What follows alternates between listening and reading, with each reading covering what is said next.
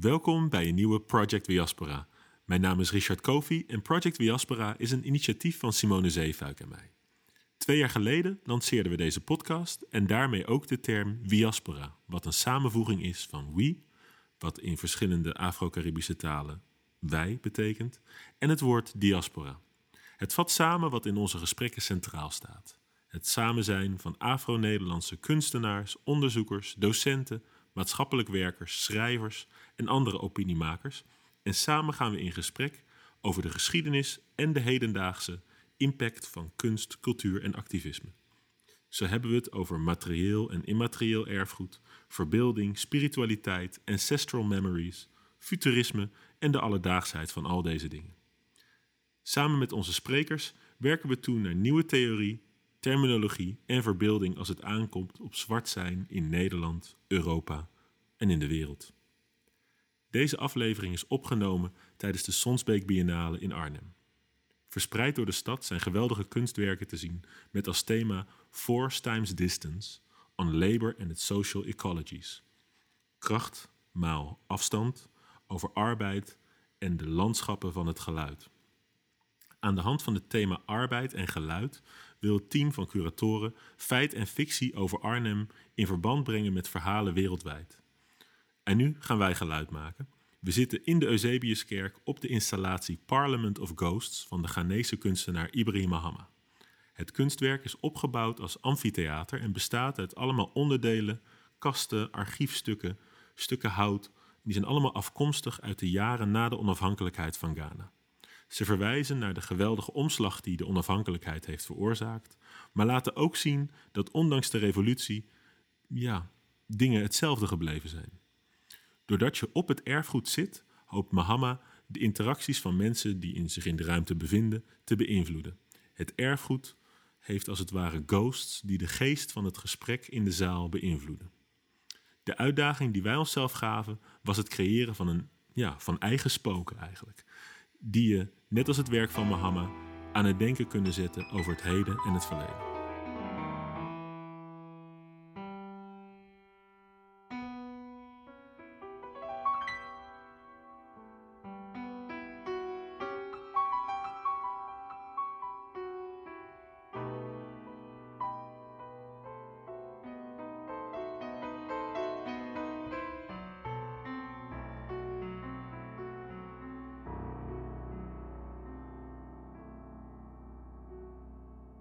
Simone, wil jij nog wat eh, toevoegen? Nee, nee, want er zitten hier twee geweldige personen tegenover ons. Dus ik hoop dat ze.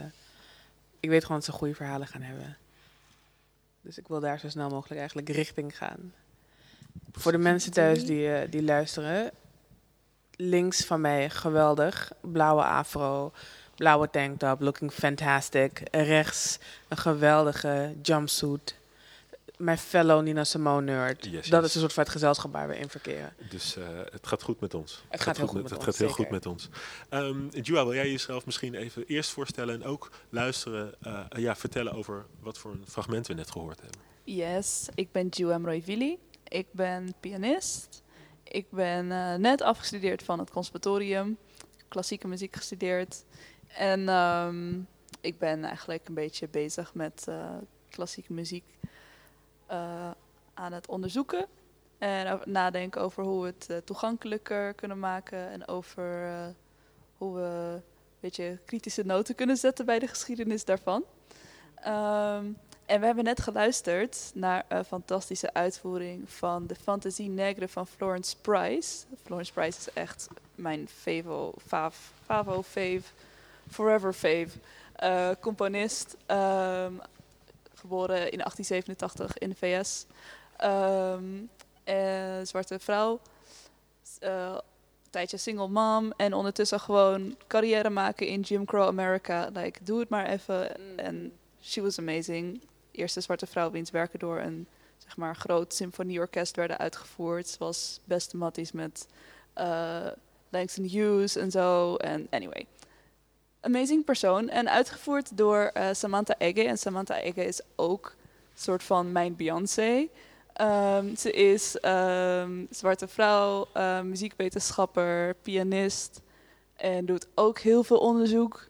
naar ehm, zwarte eh, vrouwelijke componisten in de klassieke muziektraditie. Zoek haar op op Spotify ook. Of, en op eh, YouTube ook. Heeft echt heel toffe dingen van allerlei toffe zwarte vrouwelijke componisten uitgevoerd. Ehm, dus mocht je daar meer over willen weten, check her out. Ja, en als we het straks gewoon even niet meer weten allemaal, dan zoeken we gewoon nog meer muziek van haar op. En dan vullen we zo. Eh, ja, komt goed, komt goed. Yes. Dankjewel. Eh Razia. Hallo, Ehm, ik ben dus Razia. Ik heb inderdaad blauw haar. Ehm, ik zou niet weten wat ik echt over mezelf zou moeten zeggen in deze context. Ik ben niet zo goed in bio's en Je werkt voor de Dergelijke? Sonsbeek Biennale? Ik, we- oh ja, ik werk voor de Sonsbeek Biennale momenteel. Ehm, en ja, ik ben dus hier gevraagd vandaag door Richard om een bijdrage te doen in what way or another. Ik werd gevraagd om een soort van iets eh, voor te dragen, een soort van objectstuk. Moet dat nu al? Of is dat, dat nog niet? dat komt, dat komen zo. Oké, oké, Je dat hebt nog even bedenktijd. Komen zo. ja, ik, wat, wat doe ik? ik? Ik schrijf. Ik ben een freelance schrijver. Ik ben, I guess, nu low-key curator in training. Zeker weten. Ehm, zeker weten. Ehm, en ehm, ja, ik schrijf en denk vooral over muziek en hoe dat op filosofische en sociale vlakken interconnected is met de progressies in muziek en sociale bewegingen. Ehm, dus ja, dat. En welke muziek vind je vooral interessant? Nou kijk, ik ben zelf hou ik heel erg van dark shit. Mag ik schelden trouwens in dit? Sowieso. Oké. en ehm, dus ja, ik ben vooral opgegroeid met. ehm nou, opgegroeid. Ik ben opgegroeid met dancehall en reggae vooral. Mhm. Ehm, en Kaseko en ehm Winti. Ehm, en ook Indiase pokus. Ehm, maar daarnaast ben ik heel erg in de realms van metal en punk me gaan begeven. Dus ik hou zelf heel erg van punk. Tegenwoordig hou ik ook heel erg van techno music en de geschiedenis van techno music en hoe dat ook bepaalde sociale bewegingen heeft ehm, voortgezet. Dus ja. En eh, Simone, jij moet jezelf ook eigenlijk even voorstellen voor Parasite. Voor Radio. Luisteraars. Eh, mijn naam is Simone Zeefuik, schrijver en programmeur bij, bij Belmont Park Theater. Eh, samen met Richard, Richard Koffie en eh, de directeur, director van eh, het tijdelijke programma Black Blackness bij Zeker het Sandberg. Instituut. Kan je wat meer vertellen over Blacker Blackness? Of komt dat zo meteen? Ik denk dat dat zo meteen komt. Komt het zo meteen? Denk ik, ja. ja, ja, Is ja. goed, is ik, ben, goed. ik ben nog te- onder de indruk van deze, van deze intro's hier. Ja, zeker. 23 en schrijft scripties over Nina Simone. En Nina Simone, wie nog meer? Hebt- Beyoncé. En Beyoncé. En Beyoncé. Oh, ja, wie nog meer? Ja, Beyoncé. Dus dat moet nog even landen. En techno. Dat, maar dat is dus Metal. super black. Ja, ja, ja. Techno, punk, it's like you're in, you're in the... Kijk, that's like black blackness, right absoluut, there. absoluut. Het, See, I like er- that. er is hier van alles aan het Mhm, gebeuren. Dat is mhm. hartstikke goed. Ehm, ja, en ik ben eh, Richard. Ja, je, had, eh, je noemde het net al. ik ben beeldend kunstenaar en eh, programmeur bij het Belmer Park Theater. Eh, bra, bra, bra, collega van, eh, van Simone. En eh, samen hebben wij deze, deze podcast ongeveer twee jaar geleden alweer. Zoiets inderdaad, ja. Ja, twee jaar, ietsjes langer. Tijd vliegt. En Oh, niemand weet in de pandemie welke tijd het eigenlijk precies is, maar het is lang Het, geleden. het, eh, het, eh, het voelt als een vrolijke twee jaar Ja. dat we deze, deze podcast hebben. Ehm, en ja, telkens op verschillende locaties met verschillende gasten in gesprek gaan. En nu, we laten ons telkens ook inspireren door de, de, kunst, de, de, gebouwen, de, de cultuur om ons heen. En eigenlijk zijn we door deze installatie van Ibrahim Mohammed gaan nadenken over de rol die verhalen spelen, die objecten spelen in onze persoonlijke levens. En of we daar iets, ja, je introduceerde het al een beetje, Razia, of we daar iets interessants uit zouden kunnen halen van wat, wat spreekt ons nou aan, wat spreekt voor ons en wat, eh, wat voor een verhalen, objecten, ideeën zouden wij aan, dit, aan deze installatie willen toevoegen, als het ware. De, de, de bedoeling van deze installatie is ook dat er geprogrammeerd wordt, dat er gesprekken plaatsvinden. En wie weet dat er iets van de ghost van onze, onze objecten en onze eh, inspiratie aan vast blijft, eh, aan vast, vast blijft kleven. Ehm, wie, wil, eh, wie wil eerst? Joy, je hebt van alles meegenomen, zie Ja, ik. zeker. Kan je daar iets over zeker. vertellen? Je moet mij niet vragen om dingen mee te nemen, want dan neem ik heel veel mee. Maar, En eh, omschrijf het allemaal in Ja. eh, detail voor onze oké, luisteraars. oké. Nou, jongens, Het komt ook uit een bonnet. I love it. Ja, oké. Dus, oké, alles is enveloped in a bonnet. Mhm. Eh, even de complete image description. De bonnet is eh, shiny. Eh, de bonnet, voor degenen die niet weten wat het is, shame on you. Maar ehm, Sowieso. dit is, like, this is how we sleep at night. Ehm, En moisturize throughout the day. Moisturize throughout the day, Mhm. moisturize all, all day, every day. Ehm, dus dit doe je over je hoofd en dan slaap je met rust en dan word je fresh AF wakker.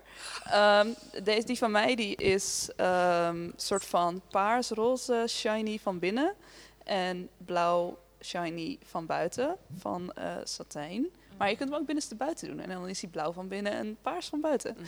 Dus dat is de bonnet, waar ik de rest van mijn dingen in heb meegenomen.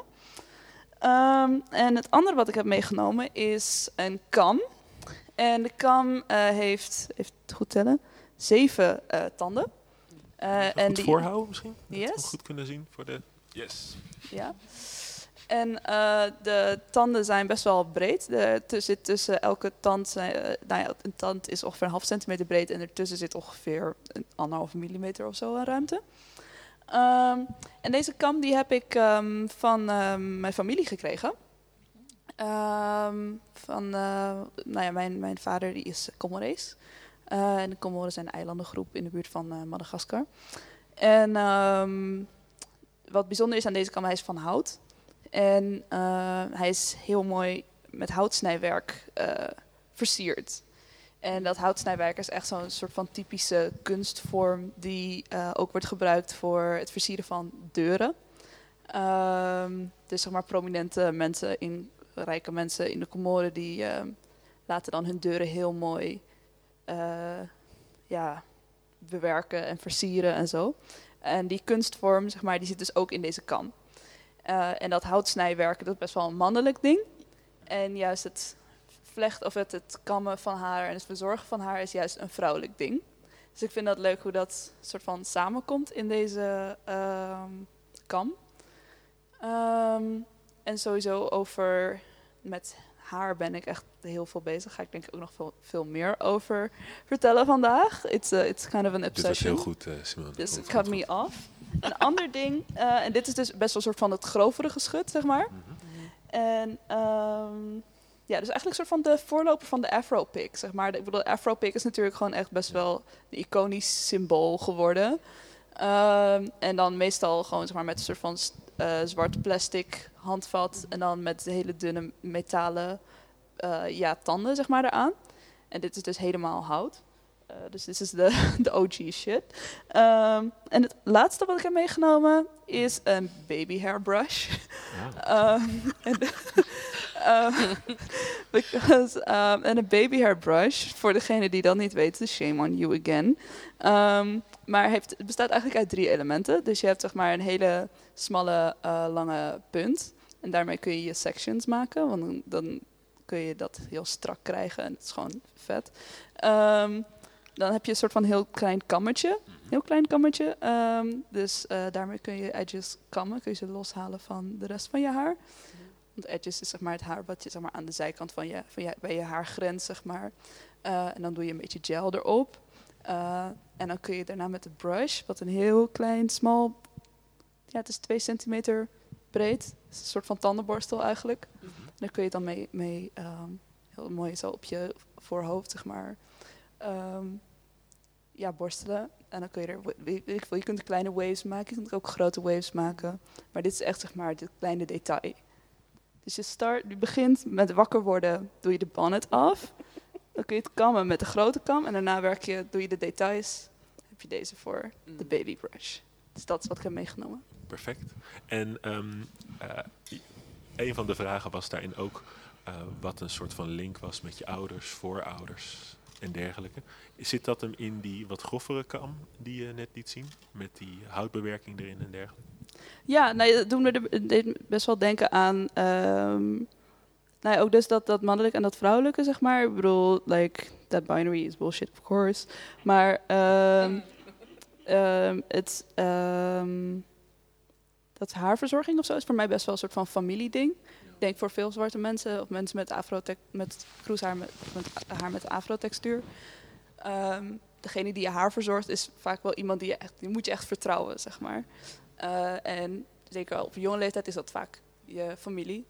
Ehm, en voor mij was dat ehm, in Nederland merkte ik dat heel weinig mensen echt wisten hoe ze voor mijn haar moesten zorgen. En toen was ik een paar keer op de Comoren bij mijn familie. En eh, best wel, ja, die leefde best wel in, eh, nou ja, hadden best wel, leefde best wel in armoede. Ehm, maar ehm, wat ik wel heel tof vond, hij zat bijvoorbeeld geen stroom met water, maar ehm, het water, ging, gingen we water halen. En eh, mijn opa die vulde dan, een, eh, heeft een keer dan, dan vulde hij een emmer met water, koud water.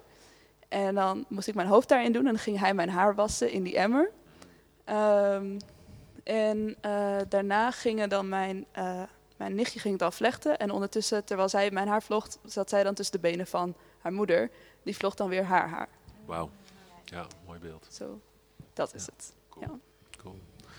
Ja, thanks for sharing. I think the price of the baby hairbrush is going to go up after your Yeah. presentation. Please don't gentrify us. Please don't gentrify us. We need the baby hairbrush. Yes. Thank you. En Razia, heb je ook een eh, mooi verhaal in je gedachten? Nou, ehm, ik moet eerlijk bekennen dat ik eigenlijk dus nul voorbereidingstijd heb gehad voor dit. Dus ik ben hier echt compleet jazz, freestyle vibe aan het gaan. Ehm, en ook, ik was de afgelopen paar dagen in Arnhem door Sonsbeek, dus ik ben ook helemaal niet thuis geweest om objecten te kunnen ophalen. Geef niks. Geef Ja. Maar ik zat wel na te denken over iets dat dus mij wel linkt naar mijn ouders of voorouders. Ehm, in de vorm van een object. En omdat ik voorheen een gesprek heb gehad over objectification van eh, je lichaam of identiteit, dacht ik van eigenlijk ben ik dat, dat object dat ik meeneem vandaag. Oké. Ehm, en ehm, thanks. Ehm, en ehm, ja, ben ik natuurlijk de, de, ja, het levende object vanuit mijn eigen, I guess, empowerment. Dus niet per se van een objectification vanuit een ander perspectief, maar vanuit mezelf.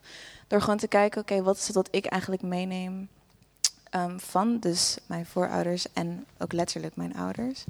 Daarnaast keek ik ook even in de spiegel en zag ik ook mijn piercings. En dacht ik, oh ja, dat is ook wel iets dat ik meeneem vanuit mijn eigen cultuur.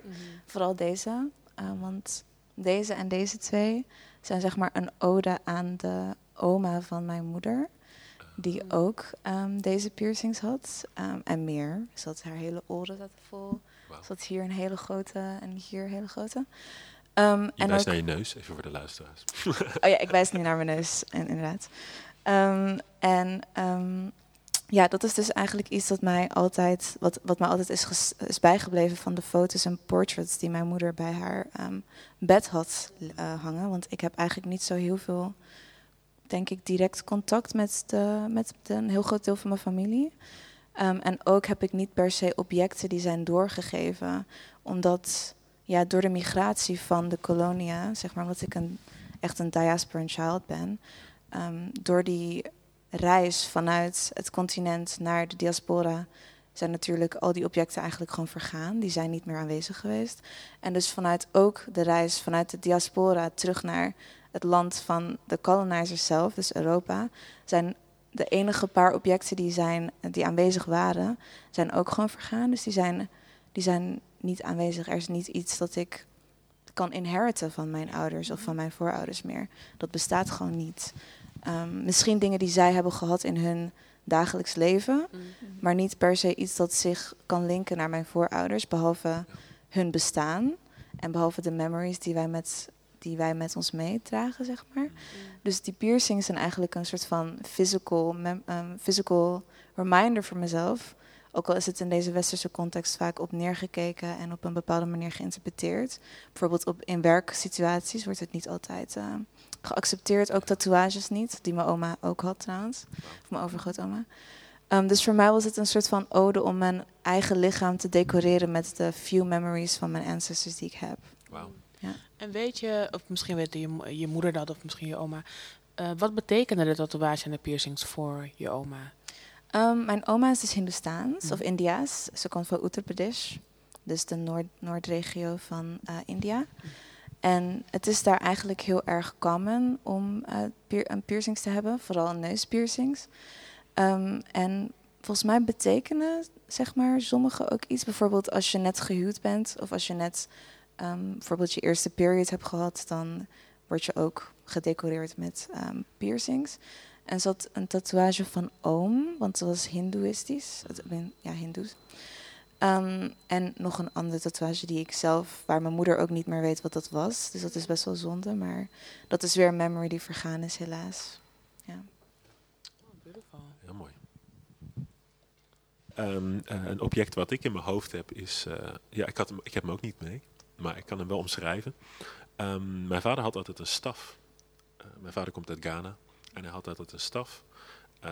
Heel mooi, niet zo heel groot. Eh, maar er zaten allemaal leren eh, bandjes omheen. En hij was met leer heel mooi bewerkt. En het uiteinde was met metaal bewerkt. En dat was een, eh, een, een staf van zijn oom. En hij was een soort van rechterhand van zijn oom. Heel getalenteerde jong, als heel getalenteerd jongetje uit uh, Kwehu, de streek waar mijn vader geboren is. Die zijn naar Accra toegehaald om dichter bij mijn oom te zijn, die daar een bedrijf aan het opstarten was. Ehm, eh, na de onafhankelijkheid van Ghana. En eh, vrij vroeg eh, is eigenlijk hem de vraag gesteld van wat wil je doen met je toekomst? Wil je hier voor ons bedrijf werken of wil je iets anders? En hij wilde wel een arts worden. Dus toen heeft hij een soort van extra uitbreiding van zijn middelbare school eerst in Birmingham moeten afronden. Eh, vervolgens is hij van Birmingham naar Oostenrijk toegegaan. En toen heeft hij uiteindelijk in Amsterdam kunnen studeren, waar hij mijn moeder ontmoette. En een heel wat aantal jaren later was ik er. Ehm, maar die staf die heeft hij later gekregen na het overlijden van mijn oom. Of van de oom van, van zijn oom, sorry. En ehm, eh, niet alleen het object is heel erg bijzonder, maar ook wat ermee gebeurd is. Want eh, toen het opgestuurd werd naar mijn vader, is het door de douane onderschept. En over de lengte van de staf helemaal door tweeën gezaagd. En vervolgens met hele slordige lijm weer aan elkaar gemaakt. Dus eh, dat, dat, eh, we, we kennen hem niet, dus niet anders dan met die interventie van de westerse autoriteiten die hem door tweeën zagen. En het, het, het- ja, dat staat eigenlijk best wel, misschien wel symbool voor een heleboel dingen. Het, is, het, is, het heeft ergens iets heel tragisch. Ehm, ergens ook weer iets van, ehm, ja, iets onoverkomelijks ook, weet je wel. Dat zoiets gebeurt. Er is helemaal geen gesprek aan vooraf gegaan. We kregen hem letterlijk met die lijmrand terug. eh, en een rekening eh, voor het onderzoek. Dus dat is de, die logica is heel erg, heel erg vreemd rondom zo'n object. Eh, dus wat een heel mooi traditioneel symbool zou moeten zijn van, de, dus over de relatie tussen de oom van mijn vader en mijn vader, is nu een door tweeën gehakte staf geworden. En nou ja, het gekke is dat ergens, mijn vader is bijvoorbeeld ook nooit terug naar Ghana gegaan, hij is inmiddels al heel lang overleden. Maar ergens vind ik die, die handeling van het door tweeën zagen van het ding ook wel een beetje symbool staan voor die, die soort van ja, eh, eh, kloof die is ontstaan tussen, tussen mijn vader en de familie in Ghana. Dus gelukkig heb ik sinds een aantal jaar weer goed contact met de familie daar. En eh, zijn we de boel beter aan het restaureren nu eh, in ieder geval. Maar ehm, eh, ja, ik vond dat wel een mooi symbool. Tegelijkertijd, ik had ook nog een tweede object in mijn hoofd. Je had er ook, eh, je had er ook meer, dus ik neem ook even een tweede. En mijn, mijn vader had altijd een radiootje bij zijn bed staan, zo'n wereldontvanger. En dan zat hij altijd, ja, naar allerlei... Hij was er altijd heel erg druk mee, zeg maar. Als hij even een moment voor zichzelf had, was hij daarmee bezig. Mocht ik hem ook, ja, je mocht hem wel storen, maar dat hoefde hij niet te doen, want hij, was, zat helemaal in zijn radiootje. En ehm, dat ding heeft altijd ook, is ook lang na zijn dood naast zijn bed blijven staan. Of naast het bed van mijn ouders blijven staan. Gewoon ook als een soort van herinnering die een beetje is gebleven.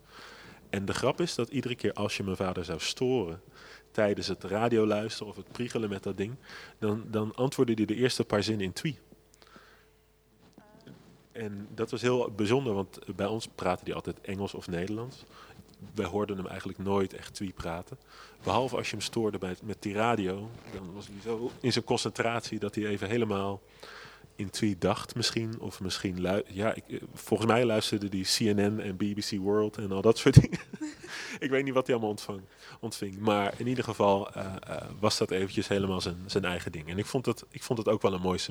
Ergens ook wel een gek symbool weer. Eh, omdat ja, via die, via die westerse media op zoek naar informatie, denk ik, over Ghana. Of in ieder geval informatie waar hij naar op zoek was. En eh, dat gepriegel eh, en het geklooi met die wereldontvanger bracht hem in ieder geval dichter bij Twee. Dus dat, ja, dat vond ik ook wel een mooie. Ik heb van die kleine zakjes met ehm wierook erin. Omdat ik vaker, vooral als we deze gesprekken voeren over, I know, over heritage en wie we zijn, waar we vandaan komen. En soms ben je gewoon in een bepaalde space en dat je denkt van, oh, maar ik weet niet of die space comfy is voor het verhaal wat ik ga vertellen. Um, en hoe zorg je dan voor dat iets wel comfy gaat worden? Dus ik probeer nu als een soort van habit altijd een klein zakje uh, wierook mee te nemen. Of een wierookstick, dat ik het in ieder geval weet je, even, even aan kan steken. En toen stond ik net bij het tankstation omdat ik geen oplader had van mijn telefoon, dus dat ook moest kopen. En toen dacht ik, oké, wat ga ik nu doen? Ga ik nu mijn wierook halen? Of loop ik het risico dat ik de Eusebiuskerk niet kan vinden? Dat ik van vijf uur te laat ben. Dus heb ik mijn wierook dus thuis gelaten. Uh, en toen ben ik hier gekomen. Maar gewoon dingetjes waarvan je denkt van, ik kan een ruimte um, als een huis maken. Uh, dus ook bijvoorbeeld de wierook. Maar ook, ik heb altijd op aanraden van een goede vriendin, Simone Lagrand, die eerder vandaag ook allemaal geweldige performance heeft gegeven, altijd mijn eigen thee bij me nu. Gewoon dat waar je ook bent, dat je gewoon even een kleine ruimte voor jezelf kan maken. Uh, ik ben heel erg van de gemberthee. En uh, niet heel veel andere mensen zijn daarvan. Aan de kwaliteit van de gemberthee te zien. Um, maar ik wil gewoon, als ik gewoon thee drink, dat mijn thee gewoon goed is. Je toch, als ik ga zitten, dat, het gewoon, dat ik een goede, like, a good, good tea heb. Uh, en daar kan ik niet altijd voor vertrouwen. Dus dan, I travel with my own tea. Dus gewoon kleine dingetjes om ervoor te zorgen dat zelfs de ruimte die misschien niet per se voor jou bestemd is op dat moment, dat het wel kan voelen als een, als een thuis. Cool. Desnoods tijdelijk. Hartstikke mooi. Hartstikke mooi. En um, we hebben het hier dus over, uh, ja, je hebt heel duidelijk een uh, iets wat je meeneemt om je eigenlijk je, je, gevoel van thuis mee te nemen naar overal waar je gaat. Mm. Dat is hartstikke mooi natuurlijk. En in zekere zin, nou ja, heb jij het omschrijf je net zoiets met de, de, de piercings die uh, een representatie zijn van voorouders, maar ook die nu heel erg je, ja, die je meeneemt overal naartoe, zeg maar. Dat is wel, wel heel erg leuk. Nou ja, jij met haar ook in principe. En mijn bonnet gaat ook serieus altijd, altijd mee. Kijk, top. top. Is het nu maar is dit je travel bonnet? Want je legt hem nu een soort van op de trap en toen je hem neerlegt dacht ik, oh, niet op de trap. maar dit is, je, dit is je travel, dit is je purse bonnet. Ja. Oké, okay, oké, okay, fair enough. Yeah. Cool, Good. cool. cool. Dankjewel. Nou ja, we hebben het hier natuurlijk over, over dit type herinneringen en dit type objecten. Um, uh, uh, waar uh, komen al deze, dit soort verhalen samen, weet je? zijn er archieven, zijn er mensen in onze families bijvoorbeeld die alle kennis hebben over, over het verleden van onze familie? Hoe, hoe, zit, hoe zit dat bij jullie? Hebben jullie iemand in de buurt die dat, die al, of, of, een, of iets in de buurt die al dit soort verhalen bewaart of waarbij je vragen kunt stellen? Uh, nou, voor mij, ja, ik, bedoel, ik ben dus uh, Nederlands Comorees. Mm -hmm. Er is niet echt like, een Comorese community. Dat, is mijn zus en ik en like, drie andere mensen of zo in Nederland. It's not a community.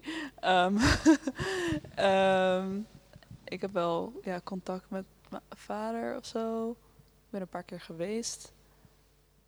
Maar to be honest, heb ik ook heel veel nu gewoon door boeken en internet of zo ook heel veel dat ik dan geleerd, zeg maar geleerd en dan naar aanleiding van wat ik dan daar, wat ik dan soort van vind, dat ik dan gerichter vragen kan stellen. En wat bedoel je met daar? Uh, of wat je op internet ja, wat, vindt, waar je dan gerichtere vragen? Ja, ja, dat er gewoon een soort van, het biedt een beginpunt. Voor mij is het in ieder geval dat ik like, over een hele ja, ik bedoel, hoe, hoe begin je met die vraag stellen aan je familie ook? Ik bedoel, het is zo groot van, like, like wat, uh, hoe, hoe, wat heb jij nog aan, uh, aan herinneringen of aan dingen van, voor, van, van wat draag jij met je mee van pre-koloniaal verleden? Of uh, like, like, hoe, hoe begin je dat gesprek met je ouders of je tante of je whatever? Ik weet niet. Ik, voor mij geeft dat wel een soort van handvatten om een soort van specifieker te kunnen zeggen van hé, hey, ik weet dat daar die plantage was en ik weet dat oma daar werkte. Ja. Hoe zat dat? Ja. En dat, ja. Um, ja, voor, ik denk dat voor mij ook wel een similar, um, um, ja, I guess, antwoord hierop is. mijn opa is overleden en hij had wel wat verhalen van Suriname toen de tijd, toen hij jonger was. Mijn vader is niet echt een prater.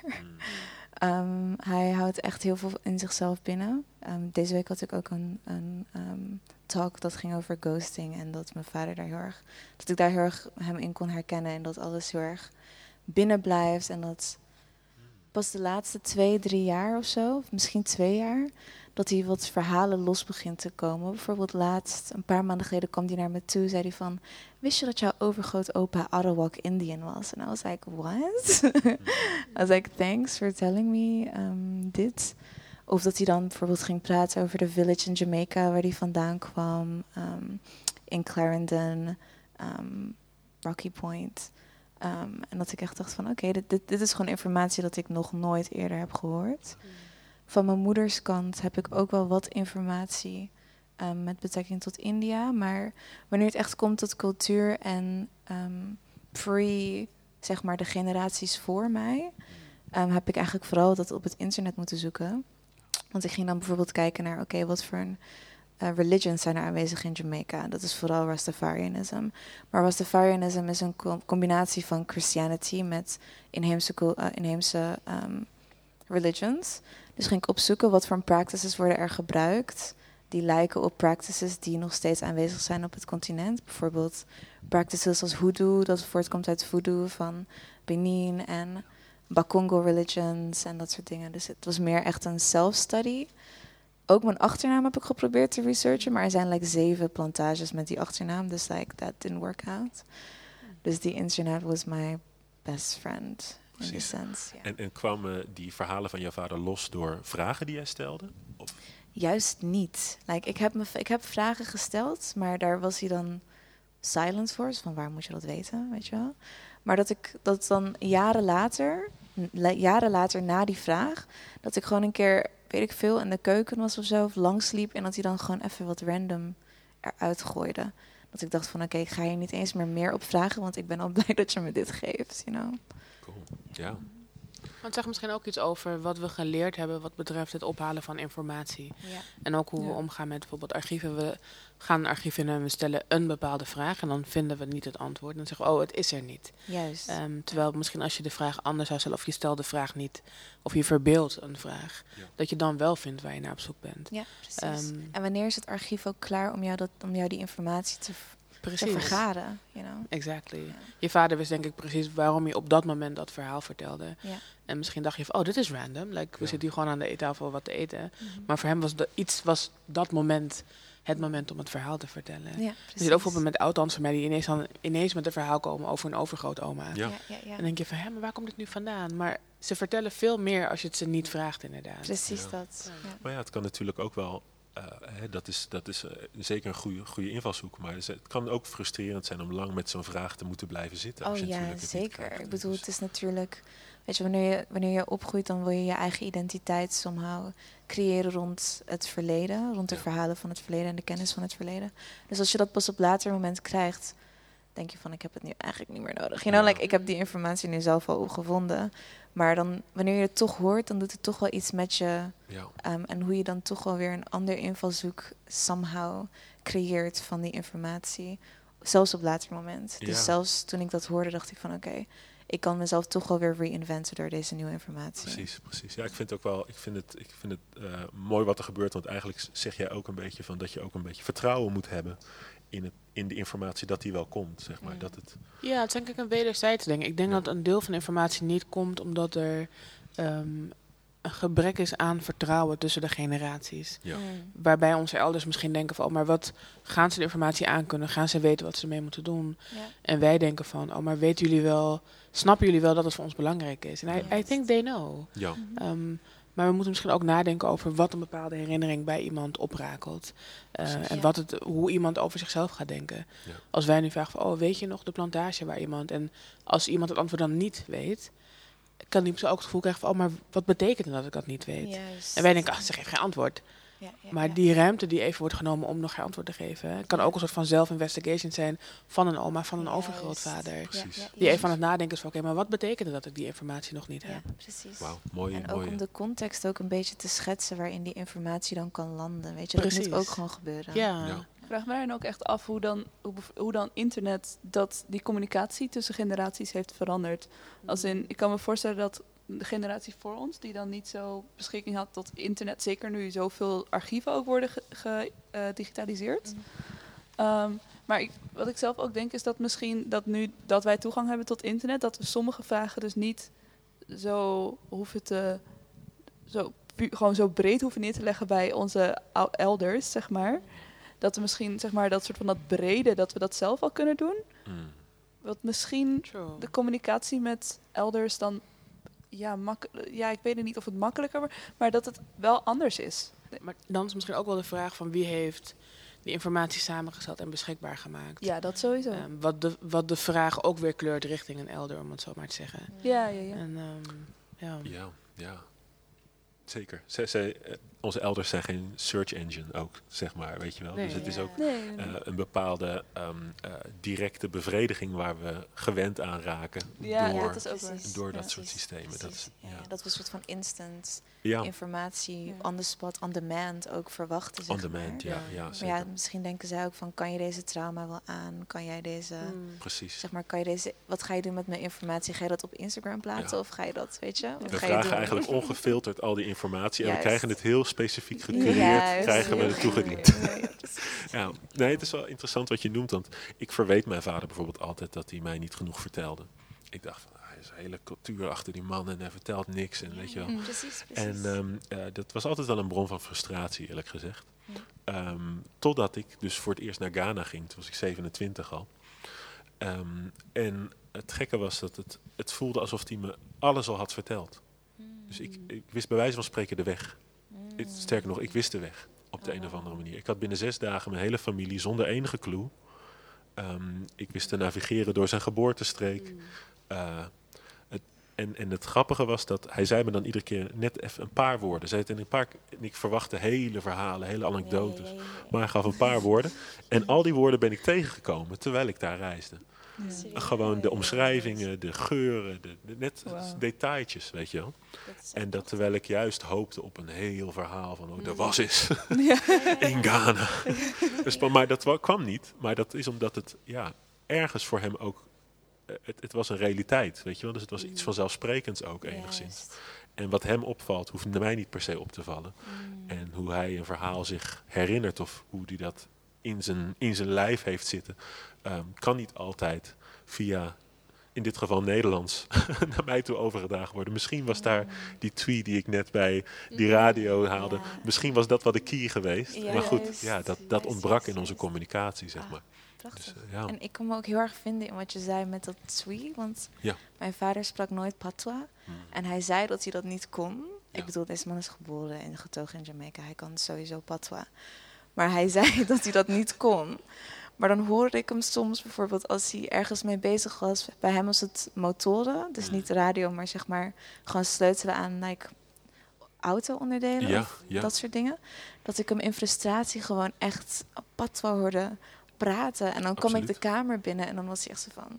I said nothing. You know? Ja, inderdaad. inderdaad. Ja. Misschien blijven de, de, de scheldwoorden ook het langst hangen. Oh natuurlijk. ja, dat kan natuurlijk ook. Ja. Nee, ik had het toen echt bij mijn vader een keer dat ik eh, vroeg, iets vroeg. En dat er een hele zin uit, eh, zinnen uitkwamen. Gewoon in communicatie naar me, alsof er niks aan de hand was. Oh, Niet zo. wauw. Ik heb hier niks van verstaan. Wat zei? En wat was dit? Toen was ik echt heel klein. Oh, Maar ja, ja dat was wel, eh, was wel leuk. Ja. Ja. Maar ehm, ja, eh, heb, jij nog, heb jij nog iets hier aan? Nee, nee, ik wilde, ik wilde de link maken naar Candyman. Ik zit echt een soort van op het puntje van mijn stoel om de hele avond over Candyman te praten. maar ik moest dus denken aan, aan het fenomeen van iemand die onderzoek gaat doen naar een verhaal en in Candyman. En terwijl ik het vertel ben ik de naam kwijt van de witte onderzoeker die dat doet. Maar zij gaat, eh, Helen, volgens mij het is Helen. Zij gaat dus allemaal huizen af en dan vraagt ze van, eh, hebben jullie gehoord van Candyman? En alle mensen houden een beetje een soort van de boot af, om het zo maar te zeggen. Ehm, en soms denk ik dat wij ook zo overkomen met al onze vragen. Like on some anthropological tip. Like, oké, oma, ga zitten. Eh, wat weet je nog van dit en dit en dit? En dat het gewoon zo van, it's too much. Ehm, Ja, het is it's too much de manier waarop we soms naar informatie zoeken. Ja. Ik, We ik zijn in constante Afrika, Afrika museum modus, om het zo maar te zeggen. Maar de verhalen zijn, weet je? Ja. Ja. Ik had het hier echt net nog met Amal over. Mm. Over dat zelfs soms zwarte fotografen ehm, mensen, andere zwarte mensen fotograferen op een soort van etnografische manier. Of Hmm. like, weet je wel, dat van die mensen die soort van naar ehm, ja, foto- witte fotografen die in een bepaalde era en time naar, naar, naar countries in ander Ja. continent gingen en daar op een bepaalde manier, op een bepaalde perspectief die foto's gingen maken. Maar dat ehm, zwarte kunstenaars dat soms ook hebben reiterated, die dat bepaalde perspectief. Dus de, inderdaad, hoe je zegt, de manier waarop wij, dat, op waar, waarop wij onze elders approachen, kan misschien ook op een manier zijn dat wij geleerd zijn vanuit het Westen sinds wij hier. Dus Ja. ik ben hier zelf geboren. Ja. Dus het perspectief dat hoe ik informatie vergaar en hoe ik misschien niet met een bepaalde manier de waarde van bepaalde informatie of contexten kan inzien, reiterate ik eigenlijk diezelfde violence naar die elders toe op die manier. Ik denk zo. Want we hebben het nu over, als we het hebben over our legacies en their goals, dan denk ik dat we goals vaak linken aan iets wat heel ver achter ons ligt, in plaats van iets wat je nog steeds met jezelf mee kan nemen. En we zijn allemaal opgegroeid in een bepaald schoolsysteem hier. Dus de goals daarvan zijn wij zelf ook. En dat reproduceren wij zelf ook. In plaats van denken, oh, dat, is, dat dachten mensen vroeger. En vroeger gingen mensen naar een Afrikaans land en zeiden zo, ik ben in Afrika, dit zijn de hotjes.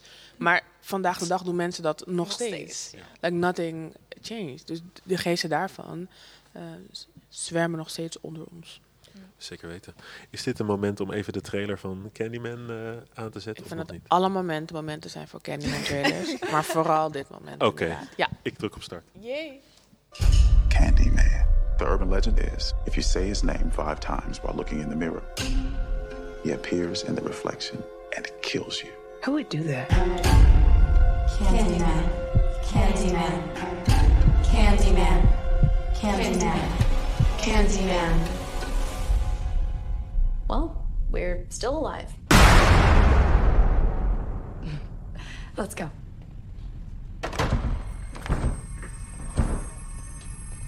Trina, you've broken the door.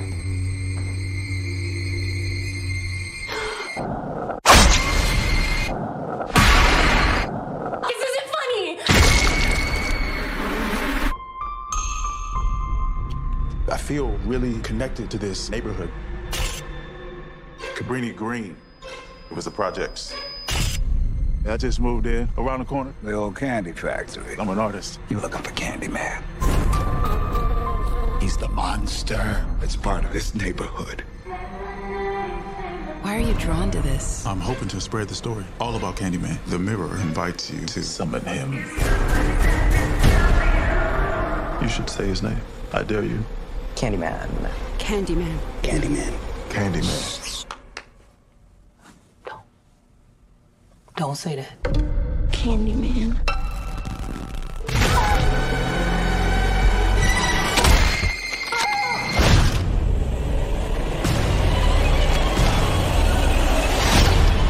I think I made a mistake. I brought him back. Candyman isn't real! Something's happening to me. He had a purpose for you to be another one of his terrible stories. I guess he found me. I am the writing on the wall. The sweet smell of blood.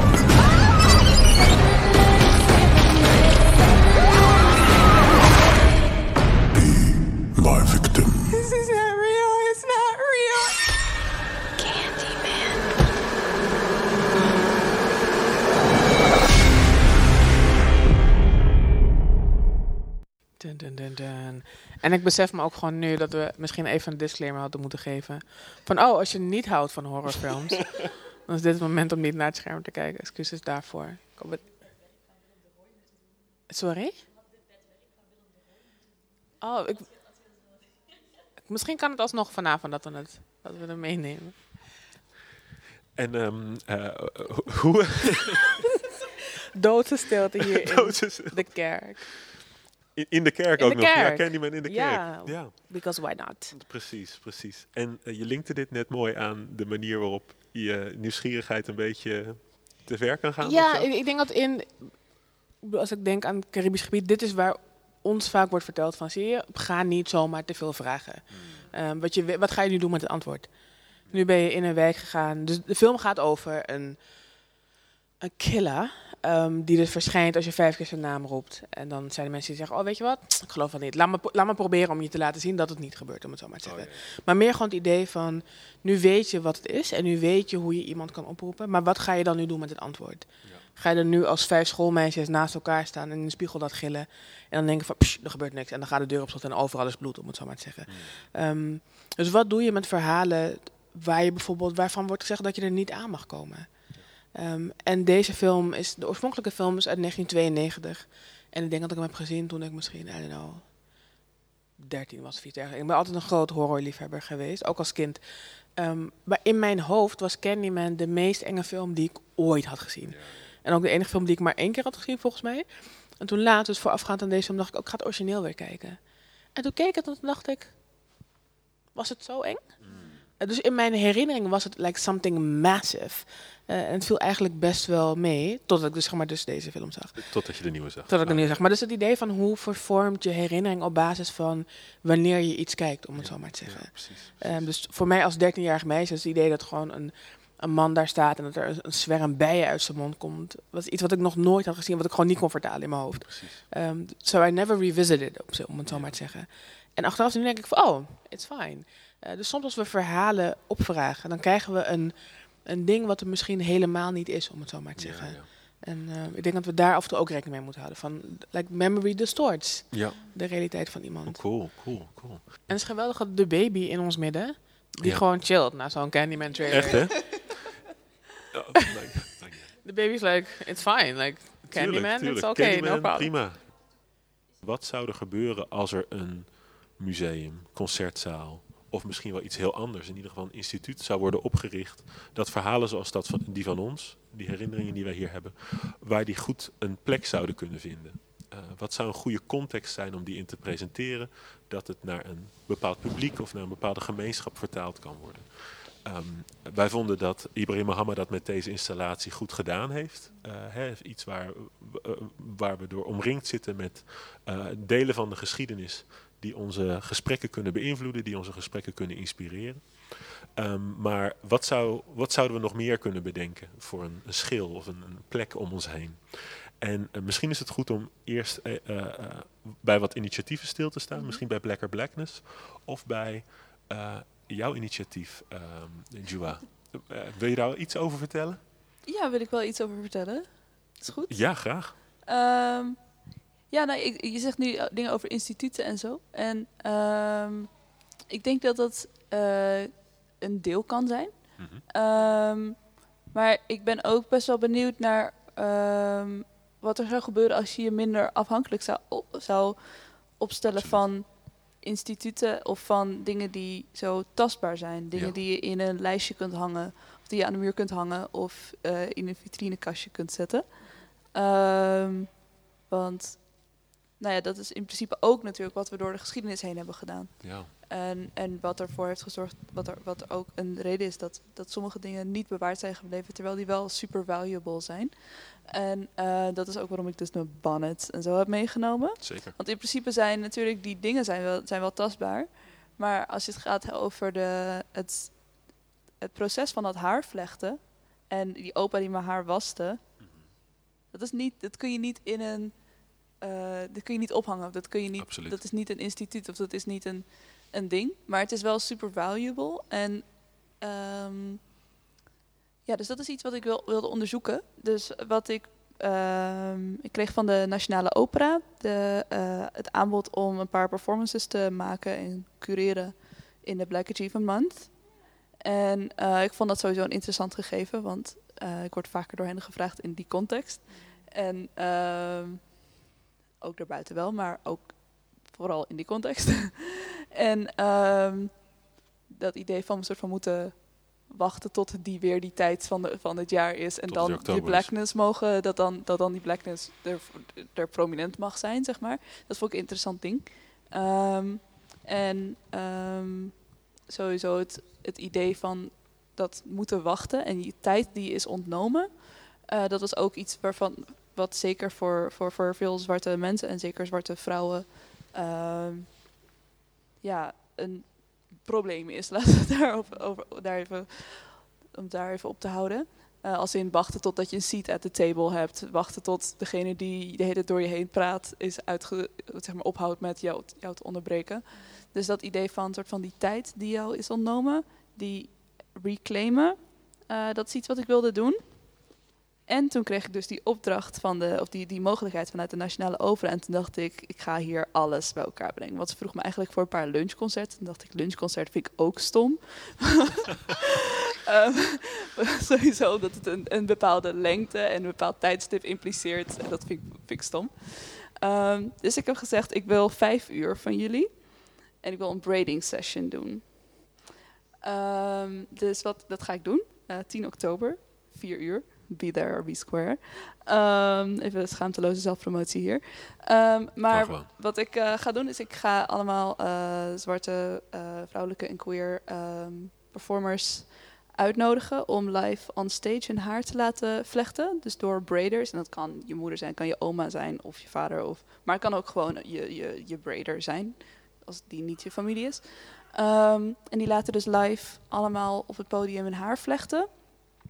Eh, ze beginnen al met ongevlochten haar en uiteindelijk eindigen we allemaal met gevlochten haar. En om de beurt stappen we zeg maar weg van degene die ons haar vlecht om de performance te doen. Dus het kan spoken word zijn, het kan dans zijn, het kan muziek zijn. Het kan van alles zijn. Dus ik heb een DJ, een paar dichters. Ik ga zelf als pianist wat dingen doen. En ik mag gebruik maken van dansers en zangers van Nationale Opera en Nationale Ballet. Eh, dus we moeten kijken of dat echt gaat lukken, gaat werken. Ehm, maar anyway, to just to wrap this whole thing up. Ehm, en, en ook mensen in het publiek gaan hun haar mogen laten vlechten. Dus ik ga ook de Nationale Opera eh, braiders laten eh, inhuren voor die dag, zodat mensen ook in het publiek hun haar daar kunnen laten vlechten. Cool. Ehm, maar, to wrap it up, ehm, mijn idee was dus eigenlijk van hoe, als je dus ehm, aan de ene kant is dat dan dus wel in een instituut, maar het kan, zou net zo goed ergens anders kunnen gebeuren. Ehm, en ik denk dat je dan dus eigenlijk ja, dingen die dus niet opgeschreven zijn, zeg maar. Dus wel, ik vind dat daar, dat daar waardering voor moet zijn. Eh, dus niet afhankelijk zijn van een instituut of van ehm, een geschreven, eh, ja, geschreven informatie. Ja. Ehm, en da- vanuit daar werken. Ehm, maar ik denk ook dat, dat een instituut ook kan werken. Maar ik denk niet dat we alleen afhankelijk moeten zijn Absoluut. van instituten. Dat is waar. Dat is Zeker. waar. Maar ja, misschien kunnen we die, ehm, het, het, het gegeven van een instituut ook een beetje meer omdenken, zeg maar. Ik heb Mm. zelf een keer een, eh, een eh, project gedaan in een barbershop ook, of we het nu toch over haar hebben. Ehm, maar eh, daar heb ik een gesprek georganiseerd over gestolen, over roofkunst, Ja. over koloniaal erfgoed wat ge- geroofd is. En ehm, eh, wa- wat daar gebeurde is eigenlijk ehm, een aanzet voor een, film, een filmproject wat ik heb gedaan, waarin we de barbershop introduceerden als een plek waar, waarom zou dat gestolen erfgoed, waarom wachten we op, dat, op die hele politieke molen voordat die gaat, eh, ja, rondgaat, terwijl wij met onze community hier naar de Eagle Barbershop gaan allemaal eh, aan de Hommelstraat. Eh, waarom eh, maken we dat niet de plek van de discussie over de, over, het, over de roofkunst? En waarom kan dat niet een plek zijn waar we ook een claim leggen op die roofkunst? Zo van geef het maar aan ons tijdelijk. Eh, Exposeer het niet meer in die musea, maar geef het aan ons. En dan hè, bepalen wij wel, gebaseerd op onze achterban, op onze klantenbestand, waar het dan naartoe moet. Dus eigenlijk is daar een soort hele fantasie overheen gekomen, waar we ook een performance mee deden, waar we een filmproject uitgehaald hebben, om eigenlijk die functie van eh, een informeel instituut, om het maar zo te noemen. Het is geen culturele sector-ding, een barbershop, maar om toch vanuit zo'n plek waar community wel samenkomt, eh, actie te ondernemen eh, in iets wat eh, op een groot cul- cultureel politiek vlak eh, speelt. Om daar een, eh, ons, ons in de discussie te mengen, zeg maar. Wat zou er gebeuren als we zo'n ontmoetingsplaats zouden verheffen tot een instituut? Of als we de gesprekken die daar plaatsvinden zouden in laten breken in de politieke gesprekken over gestolen erfgoed. Maar dat is ehm, ja, ja, misschien ook een manier om aan instituten te denken. Van wat zijn nou voor ons instituten, zeg Ja. maar. Hè, We hoeven niet er- ons erbij neer te leggen dat het Tropenmuseum het enige is wat over die thema's gaat. Of het Afrika Museum. maar waarom zou de barbershop niet in, nou ja, eh, Ja. daar helemaal zich op toe kunnen leggen? Misschien kunnen we ook opnieuw nadenken over welke thema's we daar wel of niet bij vinden horen, om het zo maar te zeggen. Absoluut. Eh, en dat we soms het idee hebben van het moet iets like extraordinary zijn. Like jij wordt gevraagd voor een Black Achievement Month. Terwijl je elke maand black bent en like, you stay achieving, denk ik. Ehm, dus waarom zou het per se dan moeten plaatsvinden? Ehm, dus ik denk dat we, dat we daar ook meer, ik denk dat we wel meer ruimte mogen maken voor, eh voor alledaagsheid en, en wat daarbij hoort. Ja, en dat vind ik ook met het instituut of zo, dat die veronderstelling ehm, van dat je, dat, je dat, dat, krijg ik snel bij een soort van zodra je het gaat hebben over instituten, dat je dan inderdaad maar daarover na moet gaan denken van wat, wat hoort hier en wat en wat, wat qualifies of zo. Dat je gaat denken aan, aan wat, wat er een soort van kwalificaties. Ja. Ehm, Maar ook misschien, sorry dat ik ontbreek van, van wat mag. En ik zeg het omdat ik de dame met de, de heerlijke baby aan het einde. Met lekkere, lekkere wangetjes. eh, ik weet dat we ook vaak kijken en denken van... eh, er is een baby en de baby maakt geluid. Eh, maar de baby is deel van, van like our everydayness. ja. Ehm, dus absoluut. wie heeft bepaald dat een baby niet onderdeel mag zijn van het gesprek... en dat de baby stil zou moeten zijn? ja. Dus shout-out naar, shout naar de baby, dat, dat die er is. Hey. Ehm, wat ook de realiteit van wie mag waar ergens aanschuiven. Absoluut. Ja. En wat gebeurt er op het moment dat ik een baby heb en misschien geen oppas heb kunnen regelen? Of misschien dat ik gewoon mijn baby mee wil nemen omdat ik dat belangrijk vind. De energy in the room. Zeker. Ehm, en dat we heel erg denken. En ik moet nu denken, wij waren samen naar. Was het Othello geweest? Othello Ja. in Utrecht. ja, Het, een bewerking van het stuk van Othello met Esther Duiske en eh Daria Boekwitsch. En ik moest heel hard lachen om dat stuk. En iedereen in de ruimte was gewoon stil. En dan dacht ik, ja, maar whatever. Ik heb ook gewoon in mijn auto gezeten en ik heb mijn kaart gekocht. Ik wil gewoon lachen. like, I think this is funny. Ik wil lachen. En op een gegeven moment komt hij op het podium en dan... Ik weet niet, zo van de clue, want zij is haar zakdoek kwijt. En hij zegt, waar is jouw zakdoek? En ik dacht, "Oh, waar is je zakdoek? Je hebt hem verraden. Maar niemand maakte geluid. Maar dan dacht ik, maar ik kan wel gewoon geluid maken. zeker. Ehm, dus hoe mogen we ons gedragen in een ruimte? Ehm, Like, you know, taking up space. Je geluidjes mogen ruimte krijgen. Ehm, want als je thuis bent, klinkt het ook zo. Dus waarom zou je dat nogmaals, net als het thee in de incense, niet mogen meenemen naar wherever you go? Absoluut. Absoluut. Wie, wie, bepaalt ook die regels van formaliteit en wat is Dat. formaliteit? Waar is het vandaan En hoe does it serve? Hoe does it En serve? wie mag daar sinds kort Ja. bij zijn? Ja. Ehm, en moeten we dan daar blij mee zijn om te zeggen, oh wacht, ik kan ook nu stilzitten. Ja. En nu hoor ik in de opera wat ik kan stil zijn. Maar misschien wil ik geluid maken in de opera. Mhm. And that's fine. You know, don't just love us when we're on stage, also in the audience. Zeker. Ja, en wat voor een effect heeft ook eh, het, het maken van dat geluid en gewoon onze everydayness op het object zelf of zo waar we naar kijken. Stel het is kunst, stel het is een museum. Eh, het feit dat je er zo stil bij moet zijn en dat je een bepaalde houding moet aannemen als je er tegenover staat, is Dat eigenlijk is- ook maar om iets toe te voegen aan het werk of zo. Heb ik het Mhm. idee altijd. Het is gewoon performance op zich. Het is gewoon een performance op zich, Ja. bij wijze van spreken. Ja. Maar ook, ook een, een mate van wat is wel of niet respectabel, om het zo maar te zeggen. En wat zou wel of niet mogen. En ik denk dat we daar heel goed over na moeten denken. Van oké, maar waar, waar komt dat idee van? Mhm. Het heel erg stil zijn. Voor wie was dat belangrijk en bij wie is dat opgelegd, om het zo maar te zeggen? Zullen we, omdat het heel even over achievements en everydayness ging, heel even naar Young, Gifted and Black van eh, Nina Simone? gaan? Sowieso. Nina Simone hoeft nooit een intro te hebben. Hè. Ik vind dat je gewoon midden in de conversatie gewoon op play kan drukken als Nina Simone. Oké, dus dat doe ik even overnieuw. Puur omdat ik er gewoon zin in heb. Druk het gewoon. Maar misschien kan je het even kan je het introduceren waar we naar gaan eh, luisteren. Ja, oké, oké. Oh yes, oh, het jaartal wat ik gokte was ook nog waar. Oké, we gaan even terug naar 1972. Ehm, we gaan naar Sesamstraat, Mhm. nummer 1, 2, 3. Ehm, en eh, daar eh, zit op 19, in 1972 zit Nina Simone daar met Some Beautiful Black Kids. Eh, zit ze daar het liedje Young, Gifted and Black te zingen. Ehm, en ja, dit is gewoon, it's, it's just beautiful. Ik druk wel even op play en dan Ja. hebben we het daarna wel over.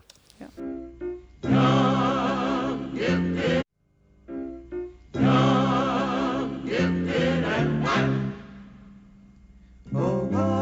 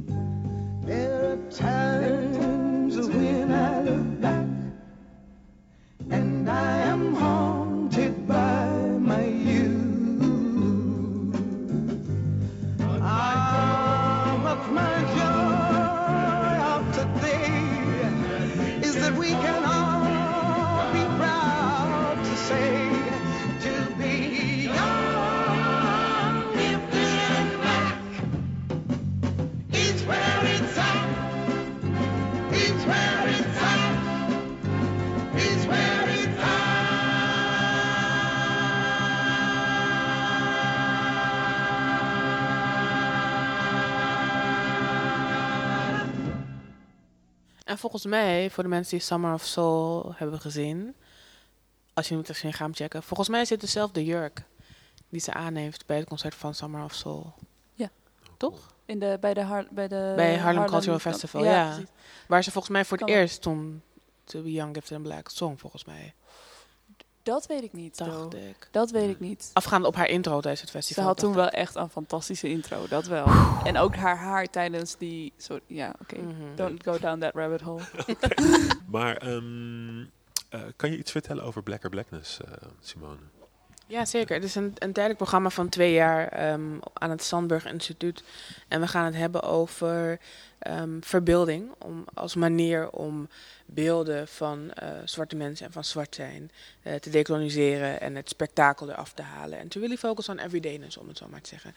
En ik denk dat veel van ehm, de antwoorden die we zoeken, vinden we niet omdat onze vragen misschien niet genoeg verbeelding hebben. Ehm, en we kijken naar films die op een bepaalde manier zijn vormgegeven. Films, boeken, et cetera. Ehm, en ik denk dat als we er meer aandacht voor zouden hebben, zouden er veel meer interessantere verhalen ontstaan. Bijvoorbeeld als je ook kijkt naar wat er de afgelopen jaren was wat betreft ehm, zwarte mensen in Amsterdam in de 16e en 17e eeuw. Eh, heel veel mensen vragen, oh, hadden ze te maken met racisme? Ehm, hoe reageerden de witte, de witte Amsterdammers op de, de gemeenschap die daar woonde? En ik hoor bijvoorbeeld, eh, ik heb tot nu toe niemand nog horen vragen van, oké, maar welke talen spraken ze met elkaar? Ehm, en wat was de relatie tussen de diaspora die misschien al decennia lang in Amsterdam woonde en de mensen die net aankwamen? Dus er wordt, het is een verhaal wat altijd wordt verteld vanuit het oogpunt van, eh, what does it mean to whiteness that there were black people in the city? Um, terwijl ik benieuwd ben naar, like, what did the black people mean for the other black people in the city? Eh, wat betekent dat als er ergens een beeld hangt, eh, wat je bijvoorbeeld ziet bij die apotheken met, weet je, van die, eh, van die hoofden met een tong en dan heb je een soort van pilletje op een tong. Wat betekent dat als jij zwart bent en je loopt door zo'n straat en iemand hangt net dat beeld op, om het zo maar te zeggen? Ehm, wat, wat denk je daarover? Wat denk je als je in een stad woont die zodanig wordt gefinancierd door bijvoorbeeld slavernij, but you're the black person walking these streets? Wat, hoe, hoe, wat gaat er in je om, om het zo maar te zeggen? Maar ook, ehm, dus je hebt, we, één semester willen we hebben over ander over slavernij, maar ook over ehm, vrije personen die 16e, 17e, 18e eeuw in Amsterdam leefden. Maar we willen het ook hebben over sculpturen. We willen ook kijken naar welke conversatie heb je als je zwart zijn eh, toevoegt aan het straatbeeld. Eh, en hoe kan het er bijvoorbeeld uitzien? En ik vind een belangrijk persoon daarin bijvoorbeeld iemand als Thomas J. Price. Die hele mooie standbeelden maakt of black people just living their lives. En er is laatst een beeld van hem onthuld toen we naar, de, eh, naar Londen gingen voor onze roadtrip. Eh, we zijn met eh, twee vrienden van ons naar moet je Londen inderdaad gereden. wel eventjes, oh ja, eh, ik moet het even context geven. Ehm, ik ben een groot, groot fan van Thomas J. Price, die geweldig werk maakt. En ik zag op een gegeven moment ooit ergens dat hij een beeld zou onthullen ehm, van een zwart meisje wat op haar telefoon zit. En toen heb ik Richard gevraagd en Saudi Sanvliet en eh Belula Jozef van... willen jullie met mij roadtrippen naar Londen? En ik dacht dat ze eigenlijk allemaal nee zouden zeggen, maar iedereen wilde gaan. Dus we zijn daar naartoe gegaan en we zagen een onthulling van het beeld... wat jullie nu op het, op het scherm zien. Eh, het beeld uit Reaching Out. En de conversatie over het beeld was eigenlijk van... eh, oké, maar ze, ze doet niks, het meisje die daar staat, of de vrouw die daar staat. Heel veel mensen zeiden, oké, maar ze doet niks. En dan dacht ik, ja, maar waarom moeten zwarte mensen altijd iets doen om ergens te mogen staan? Um, she's just living her life. En je kan of voorbij lopen of er iets mee maar ze hoeft niks te doen. En een paar maanden hiervoor ehm, op het hoogte, wat sommige mensen zagen als het hoogtepunt van de Black Lives Matter movement, was er in, volgens mij was het Bristol, eh, een beeld omvergetrokken van een eh, koloniale terrorist en vervangen door een beeld van een zwarte vrouw met een grote afro, vuist omhoog en like, performative activism, om het zo maar te zeggen, gemaakt door een witte man. En dat beeld vond iedereen geweldig. Niet iedereen natuurlijk, maar jullie snappen zo van voor de conversatie wat ik bedoel. En de vraag is eigenlijk van, waarom is dat beeld dan zo geweldig en is dit beeld dan saai? Eh, en als zou het saai zijn, eh, mogen wij ook saai zijn?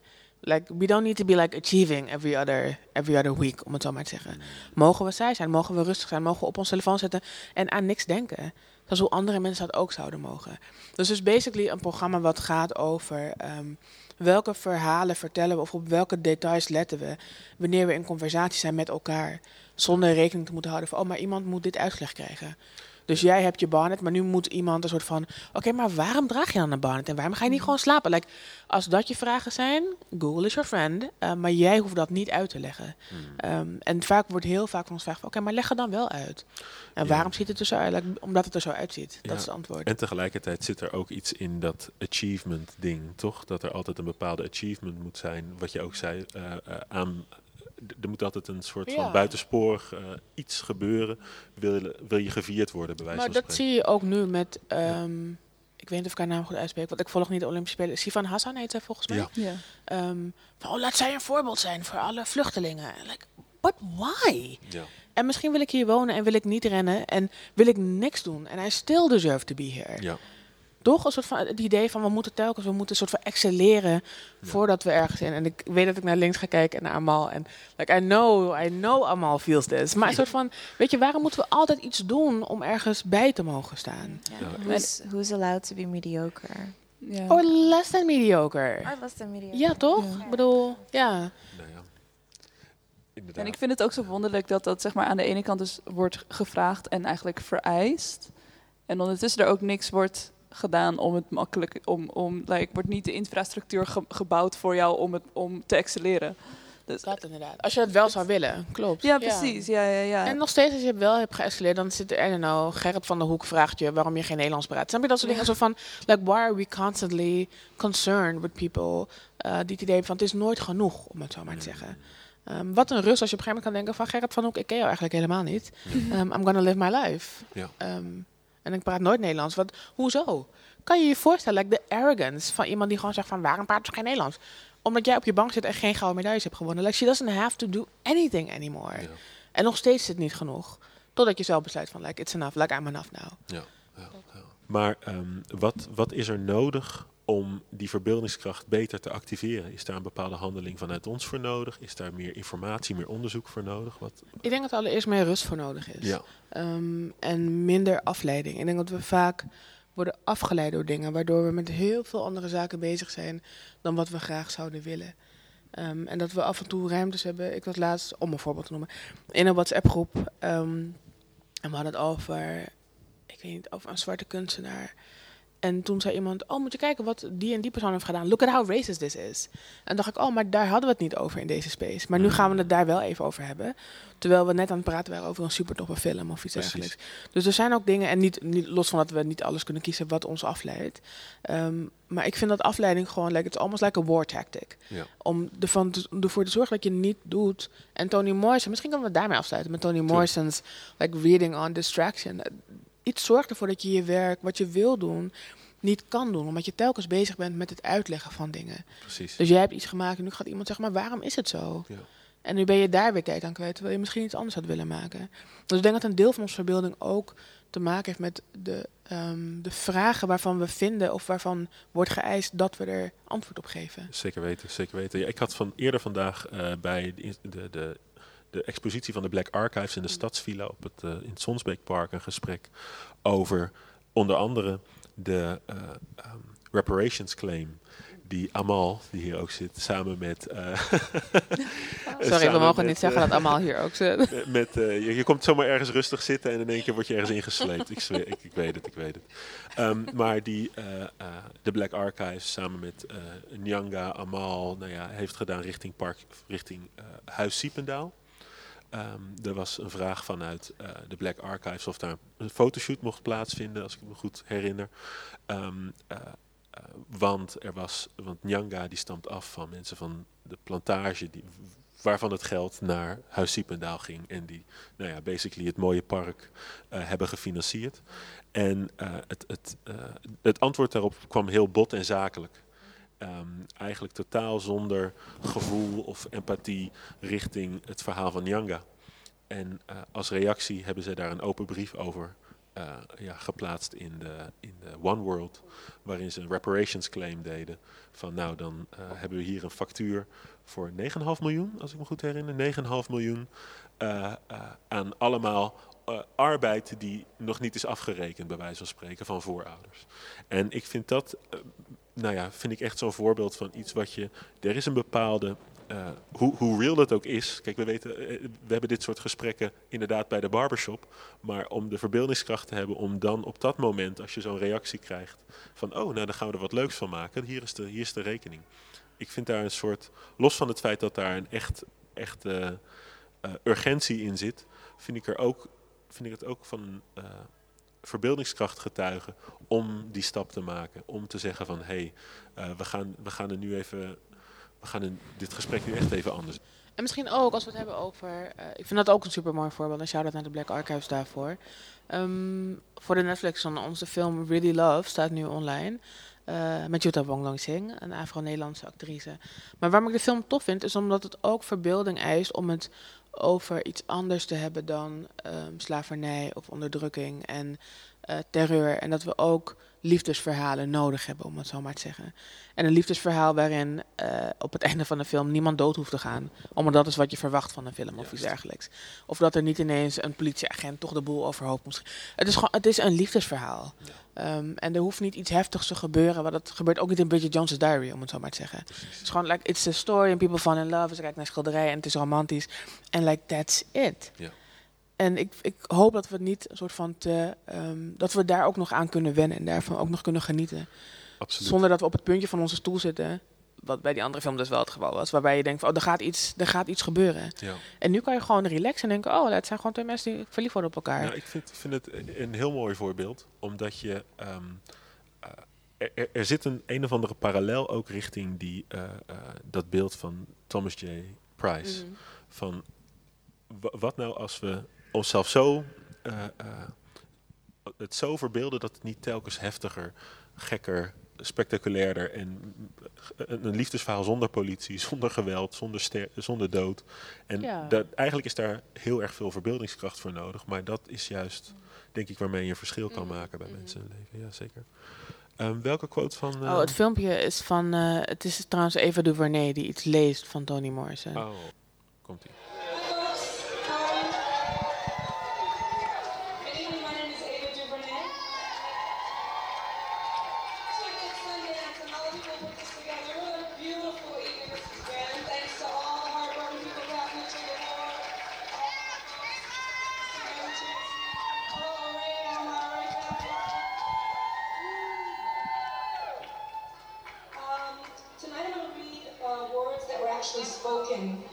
um, by Toni Morrison.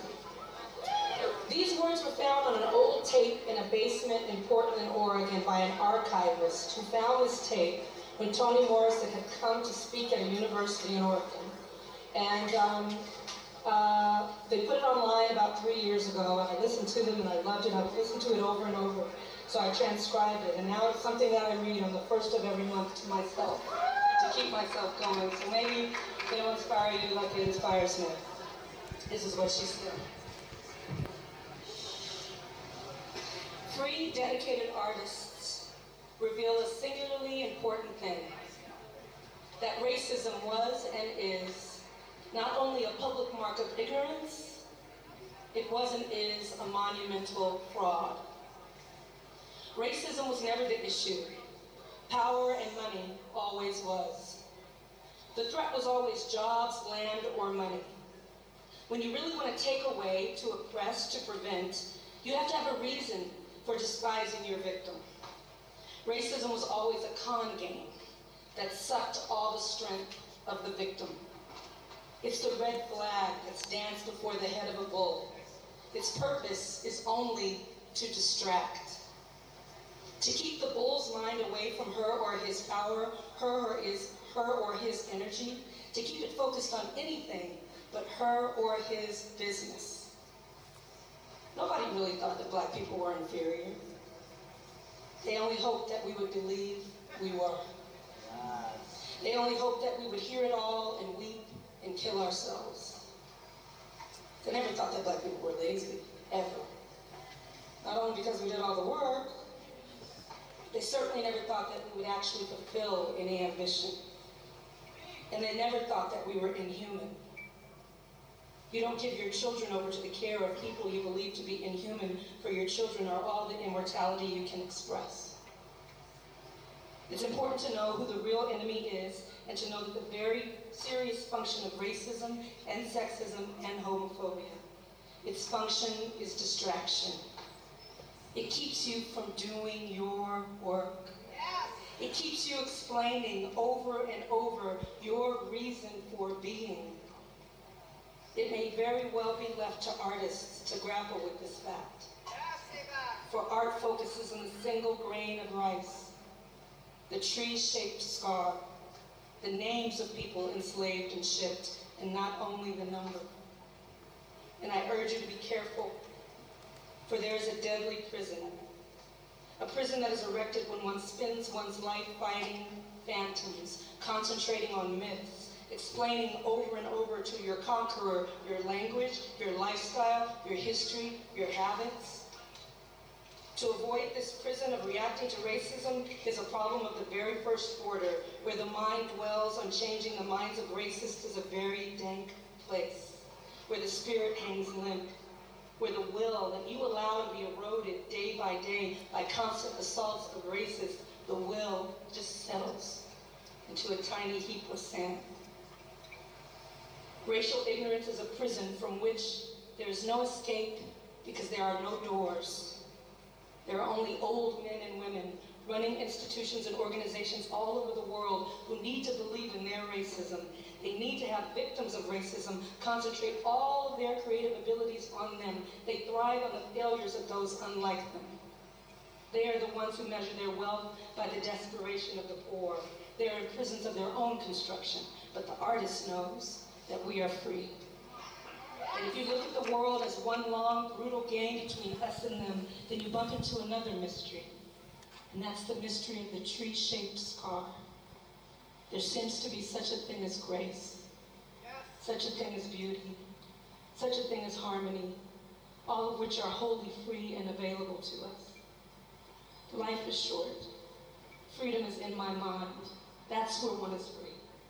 There's always some other constriction, but the very important point is to do the work that one respects and to do it well, and to make no compromises in its authenticity, and then do it better the next time. The artist's role is to bear witness, to contribute to the record, the real record of life as she or he knows it. Perceptions that are, that are one's own, for all art is political.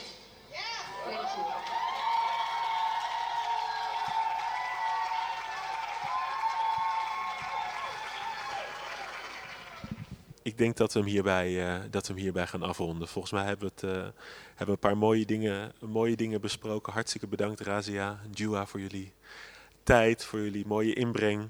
Even een applausje voor Razia. En eh, Simone, hartstikke bedankt dat je, dat je, er, dat je er ook bij was. Bedankt Richard Zeker. voor de uitnodiging. Geen probleem, geen probleem. En misschien, Jua, kan je nog één keer deze afkondigen? Dan zetten we die nog een keertje aan voor de luisteraars. Ehm, want dit stuk is dus eh, dit stuk de Fantasie Negre van Florence Price.